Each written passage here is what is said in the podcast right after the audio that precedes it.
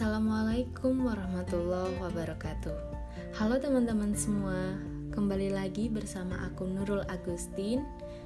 Di era new normal ini nih Banyak banget kegiatan yang seharusnya dilakuin di luar ruangan Itu jadi dibatesin Mulai dari pekerjaan kantor Sampai kegiatan belajar di kampus.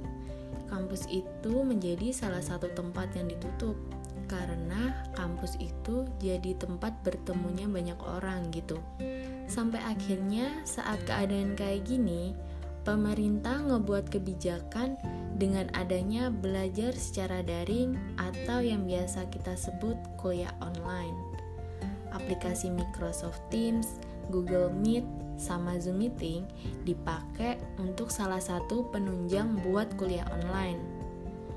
Nah, Universitas Muhammadiyah Yogyakarta menyediakan MyClass sebagai fasilitas buat memudahkan mahasiswanya dalam mengakses materi, mengisi kehadiran, dan mengakses tugas kuliah yang dikasih sama dosen. Selain itu, semester baru tahun 2021 nih, UMY memperkenalkan sistem Big Blue Button yang bisa diakses di website. Jadi mahasiswa itu nggak perlu lagi nih untuk ngedownload aplikasinya. Banyak banget yang dilakuin UMY biar kuliah online-nya tetap berjalan lancar. Kayak tadi contohnya, disediakan my class, diperkenalkan sama sistem Big Blue Button, sama dikasih pakai data juga. Keren gak sih itu? Menuju milad Universitas Muhammadiyah Yogyakarta yang ke-40, Kali ini aku bakalan ngebahas mengenai langkah-langkah penting pas kuliah online. Pertama, datang tepat waktu di ruang online. Kenapa demikian?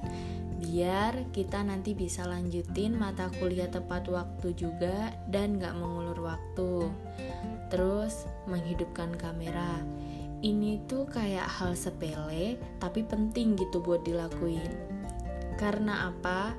Biar pas pelajaran dimulai, kita bener-bener dengerin dosen jelasin materi. Karena kalau kita off kamera nih, belum tentu mahasiswa benar-benar memperhatikan dosen atau malah ada yang ditinggal tidur. On campus kuliah online kayak semacam bentuk sopan santun juga mahasiswa kepada dosennya.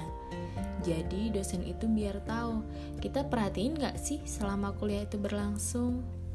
Ketiga, mematikan mikrofon.